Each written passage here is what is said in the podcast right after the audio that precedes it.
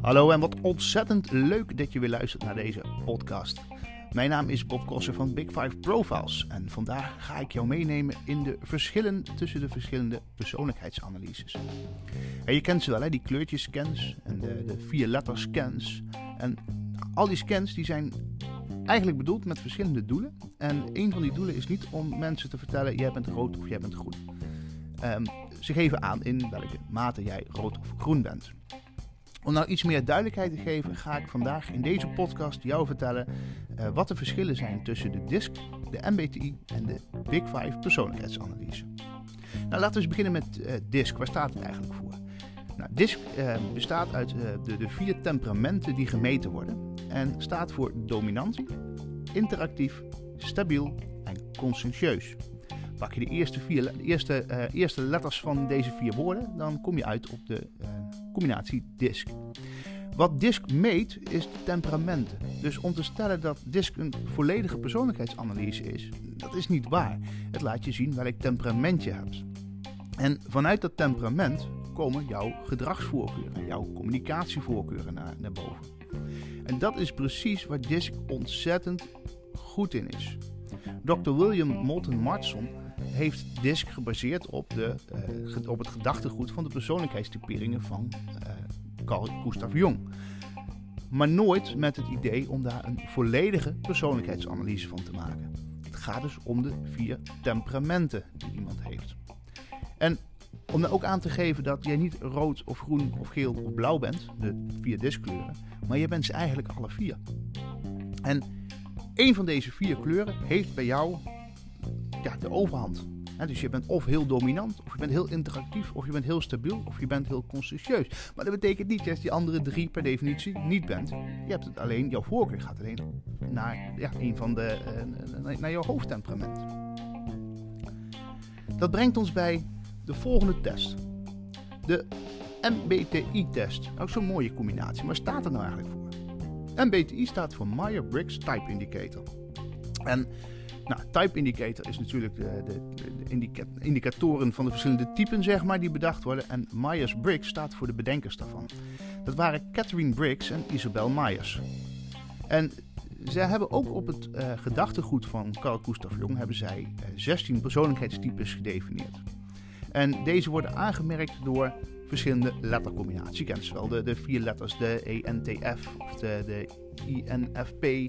Nou, dat zijn de, de, vier letters. En die vier letters staan voor jouw persoonlijkheid. Er komen uiteindelijk 16 types uit die, nou, ik mag wel zeggen, behoorlijk ruim omschreven zijn.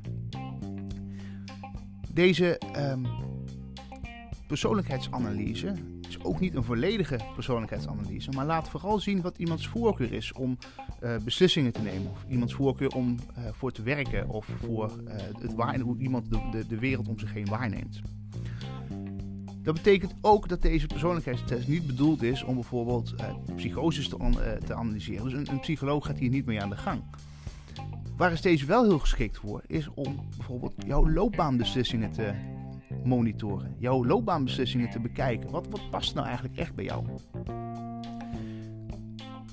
Ja, dan komen we tot onze laatste persoonlijkheidsanalyse. Dat is de Big Five. En de Big Five doet het compleet anders.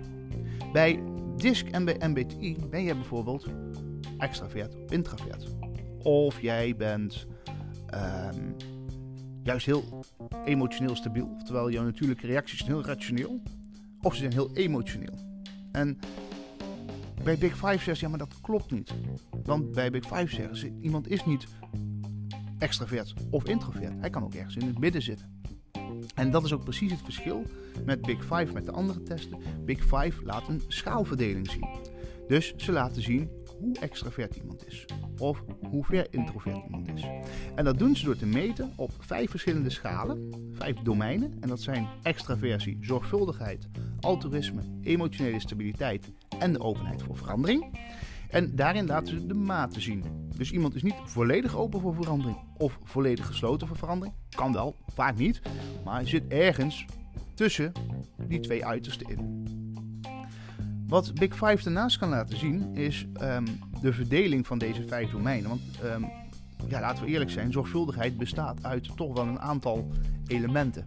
En eh, om dat eh, duidelijk te maken, worden de vijf domeinen ook opgesplitst in ieder zes verschillende karaktereigenschappen. Oftewel 30 verschillende karaktereigenschappen. Die ook allemaal een verdeling op schaal hebben. Big Five is daarom heel belangrijk uh, voor de nuancering in de persoonlijkheid. Het laat je dus zien dat je niet het een of het ander bent, maar in hoeverre jij dat bent. Nou, wat maakt nou de Big Five dan heel interessant? Naast dat het uh, heel veel in de uh, psychologie en de psychiatrie gebruikt wordt, is het ook ontzettend interessant om hier iets met het samenstellen van teams te doen. Of met het coachen van teams te doen. Want het laat de nuancering zien en het geeft dus aan waar jij als, uh, als coach of als teamleider het meeste aan zou moeten werken. Dus om terug te komen, hoe slecht zijn deze kleurtjescans? Nou, als je het mij vraagt, eigenlijk helemaal niet verkeerd. Maar je moet ze wel inzetten voor het doel waar ze voor gebruikt zijn. Dus DISC gebruik je om temperamenten te zien, dus de voorkeursgedrag en de communicatie. MBTI gebruik je bijvoorbeeld voor loopbaanbeslissingen, omdat het laat zien eh, wat jouw voorkeur is in beslissen, waarnemen en werken. En Big Five gebruik je als je een nuancering wilt. En je wilt weten van hoe zit iemand nou toch wat meer gedetailleerd in elkaar. En natuurlijk kun je hem inzetten om op een goede manier teams samen te stellen. Of teams te gaan coachen. Nou, bedankt voor het luisteren voor, uh, naar deze podcast. Uh, ik uh, hoop jou uh, snel weer van een nieuwe podcast te mogen voorzien. Ciao!